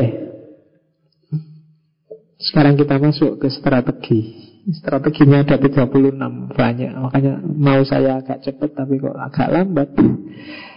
Oke ya, saya agak cepat sekarang. Strategi untuk menang. Yang pertama, berdaya langit untuk melewati samudera. Maksudnya kalau gerak jangan terang-terangan. Agak sembunyi-sembunyi. Karena gerak terang-terangan itu yang mematiri, orang meresponnya gampang. Berdaya langit itu biar langitnya salah lihat. Makanya geraknya harus samar-samar. Itu penting dalam perjuangan. Jangan dibongkar semua. Orang yang semuanya dibongkar itu lebih gampang dikalahkan. Gerakannya mudah terbaca. Ah, kalau orang ini sukanya bal-balan, senengannya Juventus, yang itu senengannya Roma, yang itu senengannya skala gampang. Cara melesekannya gampang, harus ngerti. Jalan hal apa pun, jangan terlalu gampang. Kalau kamu punya pasangan, punya pacar, kalau kamu bongkar semua dirimu di depan pacarmu, besok pacarmu nggak akan tertarik padamu. Atau bosan sama kamu. Ah, Misalnya di mana di luar kamu, eh kamu kok selingkuh nggak takut sama pacarmu? Alah, gampang aja dia sudah kepegang. Paling dia nanti gini tak kasih gini sudah mau sudah ah, itu rahasianya kebongkar semua gampang kalah. Yang paling dicari itu kan orang yang misterius, nggak jelas. Ini janjani seneng bener sama aku ndak ya? Itu kamu akan dikejar-kejar terus. Jadi begitu kebongkar semua selesai. Jadi strateginya adalah berdaya langit untuk melewati samudera. Wah, kamu akan sampai di seberang samudera dan nggak ada orang tahu. Kamu akan hebat luar biasa, tapi orang nggak nyangka kamu sehebat itu. Jadilah misterius. Kayak agama, agama itu kan misterius. Kalau tidak misterius mungkin sudah ditinggal orang sejak dulu. Sampai hari ini kan orang masih bingung terhadap agama, penasaran. Banyak yang wah ini harus dipercaya saja. Nah itu kenapa misterius. Misterius itu unik, luar biasa. Strategi perang juga perlu yang kayak gitu. Berdaya langit untuk melewati samudra. Yang kedua, kepung W untuk menyelamatkan Zhao. Itu sebenarnya nama daerah. Kalau nggak bisa menaklukkan A dan kamu bisa menaklukkan B, sementara B ini dekat sama A, padahal targetmu A, ya taklukkan aja B. Nanti A kan otomatis akan pening sendiri dan akan lebih gampang ditaklukkan. Jadi ketemu untuk menyelamatkan jauh itu ya preteli kekuatannya. Jadi kepung daerah tertentu dalam rangka mencapai daerah yang lain. Itu strategi kedua. Strategi ketiga, pinjem tangan seseorang untuk membunuh. Cara paling gampang. Kalau nggak bisa mengalahkan, pinjem temanmu untuk menaklukkan. Kamu nggak bisa merayu dia, cari teman yang pintar ngerayu, suruh ngerayu atas namamu. Ya kan? Simple. Gak repot-repot apalagi hari ini? Yang ngerayu Hari ini kan ngerayu gak harus ketemu. Eh tolong bikinkan aku status di Facebook ya Atas nama. Nah, Itu kan pinjam tangan orang untuk membunuh. Jadi mencaci maki orang Tapi pakai nama orang lain. Sekarang kan banyak kayak Kalau kamu sedang diskusi di kelas Terus susah mikir, susah ngomong Terus kamu pinjam nama ilmuwan atau tokoh siapa gitu. Itu pinjam tangan orang untuk membunuh namanya Menurut saya kayak gini, ini dikatakan juga oleh Nurholis Majid misalnya. Nah, itu kan kamu pinjam Nurholis Majid, biar kamu menang. Padahal mungkin Nurholis nggak ngomong gitu. Tapi begitu ada nama Nurholis Majid, Amin Abdullah, apa Gadamer, apa itu kan orang sudah mengkerut duluan. Nah, itu strategi ketiga. Jadi pinjam tangan orang untuk membunuh. Karena biasanya kalau sudah kayak gitu kan temenmu nyerah semua. Terus buat musuh kelelahan sambil menghemat tenaga. Ini sebenarnya yang banyak dilakukan oleh Barat pada Timur. Kita itu kan lelah luar biasa nguber isu dari Barat. Coba dicek studi Islam itu kan. Orang Barat tiba-tiba ngasih isu Islamisasi ilmu. Wah, kamu diskusi capek Islamisasi ilmu. Belum selesai diskusinya dikasih isu lagi civil society. Wah, kamu capek lagi di civil society. Belum selesai civil society ada isu baru lagi. Filsafat makosid. Aduh, penting lagi belajar lagi. Belum lagi ada Islam kosmopolitan. Capek lagi. Lu kamu kesel. Padahal yang kamu bahas itu tidak mesti nyambung sama realitasmu sehari-hari. Tapi seolah-olah itu penting karena kamu dipancing untuk bahas itu ditunjuk. Itu penting loh, ayo dibahas. Dan kamu capek, tidak bisa ngejar barat. Kamu dikasih isu terus. Nah, itu sebenarnya strategi juga. Tidak pernah kan isu itu muncul dari Indonesia yang yang belajar Islamic Studies kontemporer pasti dari luar. Apa sih urgensinya bahas Islamisasi ilmu untuk konteks Indonesia yang ilmu Islamnya aja belum paham? Apa sih ya kayak kayak gini nih yang strategi Barat kadang-kadang kan? Kamu capek terus belajar dilempari isu terus sama Barat. Tiba-tiba ada gender, ada HAM, ada kita tidak pernah bermasalah dengan gender tiba-tiba ada itu masalahnya terus dan kita capek sendiri. Tuh. Mereka tenaganya banyak. Itu strategi juga kalau kita sudah capek gampang ditundukkan. Terus gunakan kesempatan saat terjadi kebakaran untuk merampok yang lain. Itu kedengarannya agak jahat Tapi ini maksudnya Kalau ada kekacauan Itu saatnya kita masuk dan mengambil keuntungan. Kalau tidak ada kekacauan Bikin kekacauan. Oh itu strategi dahsyat. Jadi kalau Kalau nggak ada kekacauan Ya ayo dibikin kekacauan Begitu ada kekacauan kita masuk Kok rukun-rukun saja? Biar gegeran. Kalau sudah gegeran kita datang sebagai pendamai. Wah, Nama kita baik. Hmm, Jadi Kalau bisa nggak usah perang Makanya katanya. Kita kacaukan-kacaukan kayak gitu aja Nanti kita menang sendiri. Kita bikin ekonominya kacau Kalau sudah ekonominya kacau Kita masuk nawarin utang. Kalau sudah utang Tergantunglah dia pada kita. Itu strategi hebat kamu jangan nangis kalau sudah kalah sampai sekarang. Karena kita kalah strategi. Coba dicek Cina itu. Pinternya Cina lagi Tiongkok. Pinternya beberapa gayanya orang Tiongkok Untuk mengacaukan bisnis lokal kan kayak gitu. Lagi asik-asiknya kita nyari HP Nokia, HP anu. Dia ngacaukan masuk dengan HP Cina kualitasnya sama dengan harga lebih rendah. Oh, itu kan bisnis lo kan kolab gitu kan. Nokia aja sekarang nggak populer lagi kalah jauh sama kelompoknya Cross, Samsung, apalagi yang kayak kayak gitu kan. Lo itu kan strategi kalau pas ada kebakaran kita rampok yang lainnya. Jadi waktu kacau kita masuk Kalau tidak kacau kita bikin kacau Terus kita masuk Sudah nggak usah beli iPad Kita kasih yang baru iPad Nah, zaman dulu ada iPad itu kan. Ini pinter Cina kan itu. Oke. Terus strategi ke-6. Berpura-pura menyerang dari timur, tapi seranglah dari barat. Nah, itu juga menjebak kan. Hati-hati ya. Besok kamu tak serang dari timur, tapi serangnya dari barat. Kalau musuhnya sudah ngerti, mesti kebalikannya. Dibalik strateginya. Hati-hati, besok tak serang dari timur. Ah, mesti barat, ada barat, seranglah dari timur. Oh itu pinter-pinteran, strategi perang kan kayak gitu.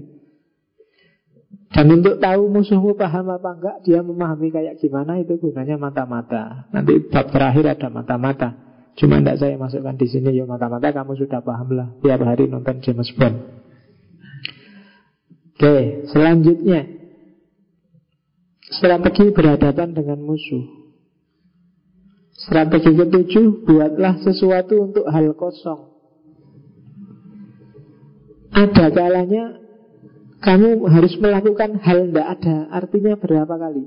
Sehingga orang meremehkan Allah Tidak ada artinya dia. Pada orang sudah meremehkan Pada saat orang tidak peduli lagi sama kamu Dianggap kamu tidak ada artinya. Saat itu masuklah dengan yang dahsyat yang ada artinya. Itu strategi ketujuh jadi pada saat orang mulai meremehkanmu Sudah nggak Allah Sudah nggak usah dianggap itu Nggak penting tiap hari kayak gitu terus Masuklah dengan dahsyat Dengan yang sangat penting. Itu mesti kamu akan menaklukkan semuanya.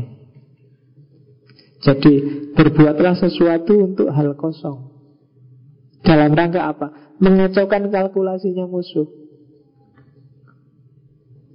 Yang ke delapan Secara rahasia pergunakan lintasan Jenshang. Jadi carilah jalur alternatif yang orang tidak nganggap kamu akan masuk dari situ. Tiba-tiba kamu masuk dari situ. Nah itu secara rahasia gunakan lintasan Jenshang.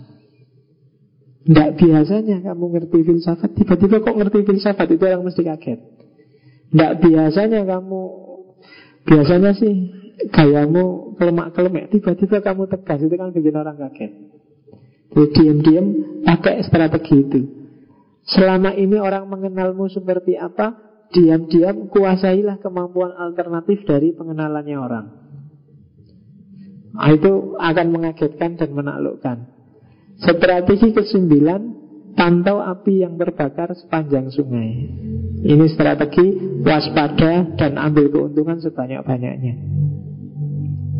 Terus Strategi ke-10 Pisau tersarung dalam senyum. Ini. Istilahnya luar biasa ya. Senyum Tapi dibalik senyum ada pisau. Jadi orang melihatnya Ah friend kita friend Senyum. Tapi hati-hati dibalik senyum itu ada pisau. Jadi strategi ini ampuh. Karena rata-rata orang itu kalau disenyumi kan luluh di Ponegoro bertahun-tahun Tidak bisa ditaklukkan Cukup Belanda senyum kita damai yuk Kita friend apa gunanya sih perang lama? Oke selesai sudah. Karena di balik senyumnya ada pisau. Jadi hati-hati kalau ada temanmu senyum Tanyalah ada pisaunya nggak? Kalau ada pisaunya aku tidak ikut-ikut pokoknya. Oke Terus Pohon tren berkorban untuk pohon persik Ada kalanya kamu harus mengorbankan sesuatu untuk meraih sesuatu yang lain yang lebih besar. Kayak tadi kan mengorbankan pasukan yang jumlahnya kecil demi menang. Itu kan korbannya mesti tumpas itu yang pasukan jumlah kecil Tapi akhirnya menang secara total kalau kamu main catur kan kadang-kadang ada yang kecil yang harus dikorbankan Tapi kamu bisa makan rajanya apa menterinya. Jadi pohon prem berkorban untuk pohon persik. Tidak apa-apa tiap pagi disuruh jemput Asal dapat keuntungan punya pacar. Keuntungan apa lagi? Nggak apa-apa disuruh SMS neraktir tiap hari asal ada untung apa itu pohon prem berkorban untuk pohon persik jangan konyol ya kalau konyol itu kebalik pohon persik berkorban untuk pohon prem Nah itu kebalik, modalnya terlalu besar, untungnya terlalu kecil. Banyak kan? Melakukan sesuatu luar biasa dibela-belain sampai apa hasilnya cuma kecil nggak ada apa-apanya. Nah itu rugi kamu. Harus dibalik. Yang dikorbankan harus yang kecil untuk memperoleh yang besar. Yang kedua belas mencuri kambing sepanjang perjalanan. Jadi apa? Mengurangi kekuatannya musuh. Gerogoti pelan-pelan, curi satu-satu kekuatannya musuh. Ya mungkin dengan cara jadikan itu kekuatanmu juga Atau jadikan itu tidak lagi dimiliki oleh dia mencuri kambing sepanjang perjalanan Oke, itu kalau sudah berhadapan dengan musuh Jadi lakukan hal kosong Nyari lintasan rahasia Pantau perkembangan Pisau tersarung dalam senyum Dan korbankan hal kecil untuk keuntungan besar. Itu strategi bagian kedua. Strategi ketiga, strategi penyerangan. Itu banyak. Strategi pertama adalah kagetkan ular dengan memukul rumput di sekitarnya. Oh ini filosofis sekali kan. Jadi kalau ada ular datang itu kan bahaya. Cara paling gampang biar ular itu tertarik perhatiannya nggak mau gigit kamu kan kamu pukul-pukul sekitarnya. Nah, melawan musuh juga begitu. Palingkan perhatiannya biar nggak nyasar ke kamu. Entah kamu kamu palingkan ke mana tapi oh, target yang dituju biar bukan kamu. Sehingga dia tidak waspada kamu menyerang dan menaklukkannya gampang. Kalau diajak temenmu diskusi kok mau kalah Tinggal kamu geser orientasinya Sebentar-sebentar, jangan bahas itu dulu Kamu tadi sudah mandi belum? Nah itu kan geser sudah orangnya. Sudah, tapi kok masih bau? Gegerannya ganti sekarang urusan mandi dan bau. Bukan urusan yang tadi. Nah itu mengagetkan ular dengan memukul rumput di sekitarnya.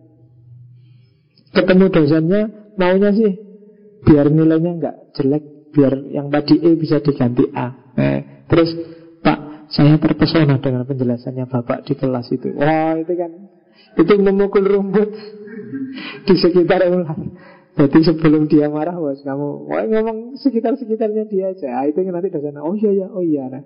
Terus anu bapak saya yakin bapak itu bijaksana. Oh itu kan terus tinggal apa nilai saya bisa diganti nggak pak? Oh iya nggak apa-apa. Nah, itu kan menang akhirnya kamu. Kenapa? Dia sudah teralihkan perhatiannya oleh pujianmu di awal. Nah itu namanya mengagetkan ular dengan memukul rumput di sekitarnya. Yang ke-14 pinjam mayat orang lain untuk menghidupkan kembali jiwanya. Jadi kalau ada yang dibuang, kalau ada yang disisihkan oleh musuhmu, dan itu penting, hidupkanlah kembali untuk melawan dia. Kadang-kadang musuhnya musuhmu adalah temanmu. Itu perlu. Jadi pinjam mayat orang lain untuk menghidupkan kembali jiwanya. Jadi kalau kamu bermusuhan dengan seseorang, cara paling gampang untuk menaklukkan dia tanpa berperang adalah manfaatkan musuhnya. Simpel sudah. Itu dulu yang dilakukan oleh Raden Wijaya waktu kedatangan tentara Tartar. Jadi tentara Tartar disuruh menyerang Jadi itu kan mau menyerang Kertanegara Terus dibohongi waktu perang Terus akhirnya kan berdirilah kerajaan Majapahit. Itu pinjam mayat orang lain. Musuhnya musuhmu adalah temanmu. Terus Giring macan untuk meninggalkan sarangnya. Itu strategi perang selanjutnya ada orang tertentu yang hebat luar biasa. Kamu tidak bisa menaklukkan di dalam medannya Maka giringlah dia agar keluar dari kandangnya. Dia akan kalah. Saya misalnya Oh Pak Faiz itu ya wis ahli ini cuma ngaji nih masjid ini. Kasih medan berbeda pening dia mungkin Misalnya. Gini aja kita coba biar Pak Faiz kalah kasih ceramah agama pesertanya simbah-simbah yang puanya gitu. Mesti nyerah di situ. Itu namanya menggiring macan meninggalkan sarangnya. Saya pernah kejebak kayak gitu Ada panitia pengajian ngundang Pak ini pak pengajian remaja pak kita no, ya sudah tidak apa-apa tak siapin materi untuk remaja tak pikir mahasiswa begitu nyampe sana isinya anak PAUD anak TPA kecil-kecil itu Nah iya kan Pening aku. Terus kadung nyampe sana Sudah siap-siap melidit mau pengajian. Ada filsafatnya isinya cah Kecil-kecil Pak. Dongeng dajal pak. Pak dongeng Iya wis. Sak jago-jago gue filsafat itu angkat tangan aku kalau sudah kayak gitu. Karena sudah di luar kandangku itu sudah wis. Wassalam itu pokoknya.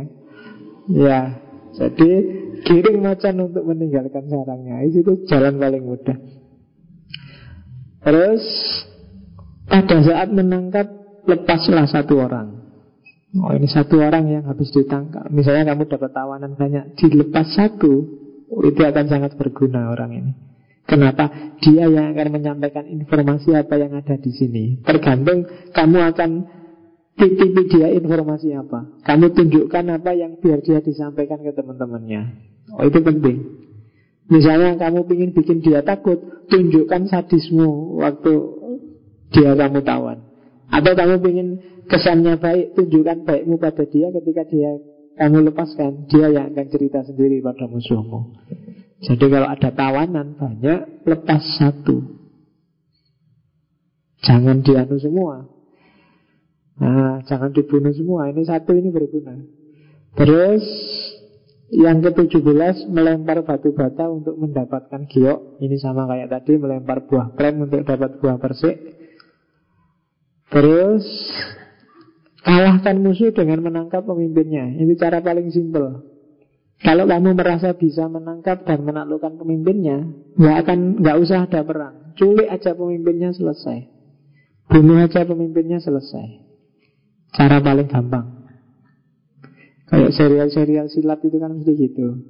Kalau sudah terlalu lama perang, ya cari aja pimpinannya, diajak tanding. Kalau sudah kalah, ya selesai. Terus strategi chaos. Strategi chaos itu mengacaukan musuh Jauhkan kayu bakar dari tungku masak Jauhkan pasukan dari perbekalannya Kalau di kampus Jauhkan mahasiswa Jauhkan dosen dari laptopnya Dari LCD-nya Itu mesti kacau wis. Listriknya dibikin mati aja kan kamu penting Itu jauhkan kayu bakar dari tungku masak Kan? Ambil HP-nya, rampas HP-nya, ambil laptopnya, curilah laptopnya, selesai sudah. Kamu sudah tidak bisa apa-apa lagi. Kamu sangat tergantung itu. Jadi apa yang jadi properti dari musuhmu, kebutuhannya musuhmu ambillah. Nanti di sana mesti kacau. Itu strategi chaos pertama. Strategi chaos kedua, memancing di air keruh. Cari keuntungan dari kacaunya mereka Sama kayak yang strategi agak awal Strategi 21 Lepaskan kulit serangga Pura-pura lah Itu kayak tadi Kalau kamu merasa hebat Pura-pura lah bodoh Kamu merasa jago Pura-pura lemah Itu akan mengacaukan kalkulasinya musuh Terus Tutup pintu untuk menangkap pencuri itu strategi kalau perang beneran itu ya nutup pintu benteng. Cara paling gampang kalau untuk dulu di antara yang bikin pangeran Diponegoro kalah kan strategi benteng stelsel. Jadi setiap di mana ada pangeran Diponegoro bermukim, di situ dikasih benteng. Dia pindah ke mana lagi, di situ dikasih benteng. Akhirnya geraknya jadi terbatas. Nah, kalau kamu musuh-musuh juga gitu, tutup pintu untuk menangkap pencuri itu terbatas apa perbatas itu? Geraknya dibatasi. Batasi gerakan musuhmu. Jadi semuanya kamu bisa kontrol. Oh dia kalau jam segini mesti sedang ngaji Tenang aja Selingkuh tidak apa-apa Ngajinya sampai jam 10 Oh dia kalau jam segini mesti sedang kuliah Tenang aja Gerakmu terbaca 100% itu namanya kamu sudah pintumu sudah ditutup. Tutup pintu untuk menangkap pencuri. Itu selesai sudah. Makanya nyari pacar jangan cakep-cakep. Itu nambah beban pikiran. Kalau istri cari yang cakep tidak apa-apa, tapi kalau pacar jangan. Kalau pacar kan kamu tidak konsentrasi, wong tidak mesti jadi istri tiap hari jadi pikiran, menghabiskan modal. Oke. Okay. Oke ya, terus ya kan pikiran terus kayak gini kamu tinggal ngasih kan kamu ketar ketir. Jangan-jangan digodani, jangan-jangan ya kan gitu. Tapi kalau pacarmu jelek kan enggak, enggak mungkin ada yang mau goda. Dia ada di mana pun tenang aja, hati tentram. Oke, berteman dengan negara jauh dan serang negara tetangga. Ini kayak tadi. Bertemanlah dengan musuhnya. Maka kamu dapat mengalahkan dia lebih simpel. Tidak usah capek. Dan yang ke-24 Cari lintasi Cari lintasan aman untuk menjelajah kerajaan Guo. Itu ya tadi Cari jalan-jalan yang Musuh tidak menduga. Eh ternyata kamu lewat di situ. Nah, Itu strategi chaos Bikin kacau Ada strategi antisipasi Ganti balok dengan kayu jelek. Perhatikan fungsi. Kalau pakai panah cukup ya ndak usah pakai senjata api. Kalau pakai paku cukup ya ndak usah pakai pedang. Kalau pakai lidi cukup ya ndak usah pakai paku. Ganti balok dengan kayu jelek. Itu untuk antisipasi, jangan-jangan perangnya lama biar kamu nggak kehabisan modal. Terus lihat pada pohon murbe dan ganggu ulatnya. Maksudnya apa? Eksploitasi kelemahan musuhmu. Jadi cari kelemahan dia di mana dan manfaatkan itu untuk menyerang. Itu lebih simpel, lebih cepat musuhnya kalah. Terus pura-pura menjadi seekor babi untuk memakan macan. Pura-pura bodoh Tapi nanti hasilnya besar. Pancinglah dia menganggapmu bodoh Dan mendekat padamu ingin menerkammu Tapi begitu kamu buka dirimu Ternyata oh, kamu bukan babi Tapi macan. Nah itu jadi Pura-pura menjadi babi untuk memakan macan. Yang ke-28 Jauhkan tangga ketika musuh Eh jatuhkan tangga ketika musuh telah sampai di atas. Ini strategi menjebak musuh. Biarkan musuh datang Masuk ke dalam jebakanmu. Seolah-olah dia sukses naik tangga Tapi begitu sampai di atas dia dijatuhkan. Ini biasanya yang kamu sebut pengkhianat itu kan. Itu orang pinter kan. Membiarkan orang masuk Tapi begitu masuk di dalam dijebak dia Nah itu strategi Terus Hias pohon dengan bunga palsu Ini strategi pura-pura juga Terus buat tuan rumah dan tamu bertukar tempat. Nah, ini strategi luar biasa untuk biar musuhmu menganggap kamu itu tamu padahal kamu itu tuan rumah. Musuhmu menganggap kamu itu tidak ngerti apa-apa padahal kamu menguasai segalanya. Nah, itu buat tuan rumah dan tamu bertukar tempat. Terakhir, strategi kalau kalah. Kalah juga harus strategi. Yang pertama, jebakan indah. Kalau kamu merasa kalau tak serang ini saya mesti kalah, Pak. Bikin jebakan. Jebakan indah itu senengkan dia. Kayak tadi dipuji, ditinggikan, dianukan itu sebenarnya jebakan. Jadi ya contohnya kalau zaman dulu pakai perempuan untuk menjebak laki-laki. Nah itu kan kelemahan laki-laki paling besar kan perempuan. Jadi dikasih itu aja kan sudah Gampang kalah. Strategi jebakan indah. Ya kalau kamu mungkin saya juga ingin mbak dijebak secara indah. Ya siapa yang harus jebak kamu bang? Ya kan Ah, yang kena jebakan indah misalnya Abraham sama itu kan kena jebakan indah Indah sih tapi itu jebakan hati-hati kamu yang besok pejabat hati-hati dengan yang kayak gini. Karena kalau dinasihatkan enak, cuma begitu dijalani berat. Kalau kamu disodori itu beneran kan ya abot. Oke, terus kosongkan benteng. Ini jebakan psikologis. Anggap musuh sudah merasa aman bahwa kamu sudah mundur. Itu kayak zaman Nabi kan kayak kasusnya perang Uhud itu kan. Jadi awalnya kita menang yang muslim, tapi umat Islam kena jebakan kosongkan benteng. Dianggapnya orang Quraisy itu sudah lari semua, pergi semua. Tapi dia cuma muter dan balik lagi akhirnya korbannya luar biasa zaman perang Uhud. Itu kena jebakan kosongkan benteng. Terus biarkan mata-mata musuh menyebarkan konflik di wilayah pertahanannya. Kadang-kadang kita tahu ada mata-mata, tapi biarkan aja mata-mata itu kerja sebagai mata-mata, cuma kasih dia informasi yang keliru. Itu lebih bahaya daripada mata-mata yang ditangkap. Biarkan aja dia ngawasi terus, cuma kesankan ke dia kesan yang keliru. Jangan kasih tahu dia aslinya, jangan tunjukkan aslinya waktu dia mengamati. Nah, itu strategi kalah. Strategi kalah itu maksudnya kalau kekuatanmu nggak memadai pakai strategi ini. Terus strategi tiga empat lukai diri sendiri untuk mendapatkan kepercayaan musuh. Itu sudah ngerti lah. Kalau tadi untuk menang mengorbankan yang kecil ini lukai diri itu. Tunjukkan bahwa aku sudah terluka. Aku sudah kalah, aku sudah nyerah sekarang, aku si esmu. Nah, itu begitu dapat kepercayaan menyerang balik. Terus Ikat seluruh kapal musuh secara bersamaan. Jadi strategi yang banyak tadi itu ya harus dipakai secara bervariasi. Dan gak harus satu-satu. Bisa dalam satu pertempuran bisa 20-30 strategi dijalankan sekaligus. Dalam rangka bisa menang. Tapi seandainya tetap tidak menang, tetap kalah, strategi terakhir harus dipakai. Larilah Ah, ini intinya yang terakhir itu yang penting.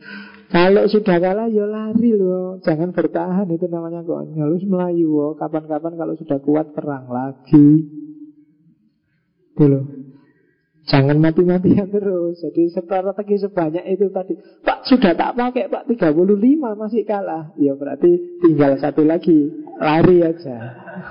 Nah, itu gongnya ada di situ. Jadi ya, mari kita lari bareng-bareng wong kalah daripada nanti dibantai semua kan wassalam kita. Nah, ayo kita lari. Strategi kalah terakhir. Oke, sudah mau jam 10. Ada beberapa quote-nya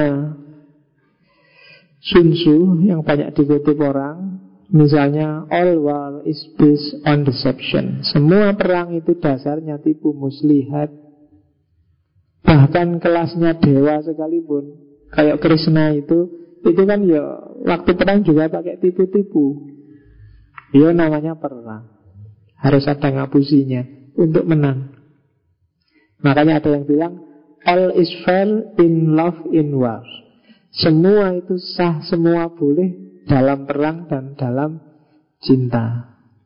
Ya tidak tahu kalau dalam perang mungkin ya Kalau dalam cinta apa? Ya. Ya silahkan kamu diskusikan sendiri. Terus Know your enemy and know yourself And you can fight a hundred battles without disaster. Kalau kamu kenali dirimu Dan kamu kenali musuhmu Maka kamu bisa perang Di ratusan medan tanpa kalah Tanpa mengalami bencana nah, Kuncinya di situ Kalau enggak Kalau katanya Sun kalau kamu cuma kenal dirimu, tidak kenal musuhmu, kemenangannya separuh. Kalau nggak kenal dua-duanya, mesti kalah. Oke, terus the supreme art of war is to subdue the enemy without fighting. Seni perang yang paling tinggi, yang paling jos, paling top adalah menaklukkan musuh tanpa perang. Kalau kamu bisa bikin musuh bertekuk lutut tanpa perang, berarti kamu punya seni perang yang luar biasa. Sun Tzu. Strategy without tactic is the slowest route to victory. Tactic without strategy is the noise before defeat. Strategi tanpa taktik Strategi itu kayak visi tadi loh Taktik itu metode Detail pencapaiannya kayak gimana Kamu punya visi tapi nggak ngerti caranya nggak ngerti jalan detailnya Itu ya mungkin kamu bisa menang tapi lambat. Lama Cita-citamu terrealisasi kalau nggak jelas metodenya. Tapi punya metode nggak ada strategi Yo kamu cuma ribut-ribut sebentar akhirnya kalah.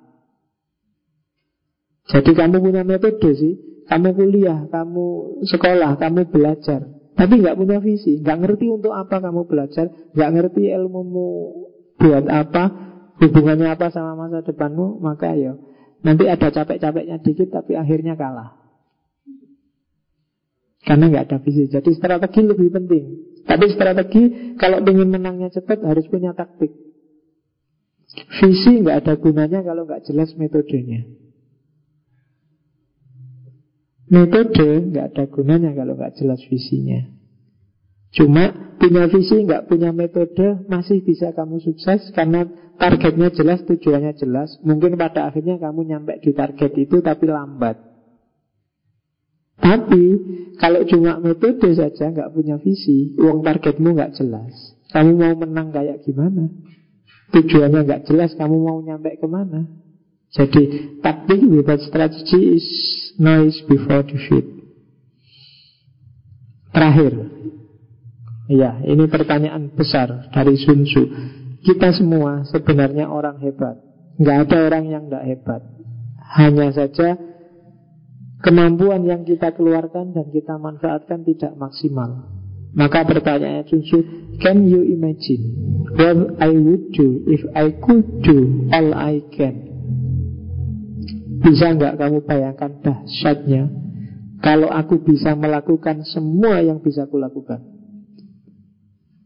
oh, Itu Kalau kamu bisa mengeluarkan semua yang bisa kamu keluarkan Pasti kamu orang hebat Kenapa? Karena dalam diri kita ada banyak kemampuan hebat yang sering-sering terbengkalai. Kadang-kadang sampai mati nggak pernah kita pakai kemampuan itu. Allah sudah capek-capek ngasih tapi kamu kan cuek. Nggak maksimal. Padahal kalau katanya susu nggak akan terbayangkan betapa dahsyatnya dirimu kalau kamu bisa mengeluarkan, bisa melakukan semua yang bisa kamu lakukan. Nah, itu nasihatnya Sun Tzu. Oke, okay. Alhamdulillah sudah satu bulan kita rekreasi di Tiongkok. Minggu depan kita jalan-jalan lagi ke barat, biar nggak jenuh ada di Tiongkok. Minggu depan kita masuk ke postmodern babak kedua, lanjutannya yang kemarin. Babak kedua kita ambil tokoh-tokoh hermeneutik. Mungkin ada Gadamer, ada Habermas, ada Paul Ricoeur, Tidak tahu nanti siapa lagi. Mungkin empat atau lima pertemuan. Setelah itu kita ke timur lagi. Dari Cina mungkin kita ke India India punya filsafat perang juga kita. Tapi di sana ada Buddhisme, Hinduisme. Terus nanti ke barat lagi Ke timur lagi mungkin dari India ke Jepang. Jepang juga sebenarnya punya filsafat perang Ada samurai, ada bushido. Next time kita jelajahi itu juga. Oke okay, Saya kira itu. Insya Allah ketemu lagi minggu depan. Kalau ada pertanyaan Online aja Pakai Facebook Ada satu dua pertanyaan yang belum saya buka di Facebook Ya ditunggu aja pasti tak jawab Meskipun tidak langsung Oke, saya akhiri sekian. Wallahul muwafiq. Wallahu a'lam bishawab. Wassalamualaikum warahmatullahi wabarakatuh.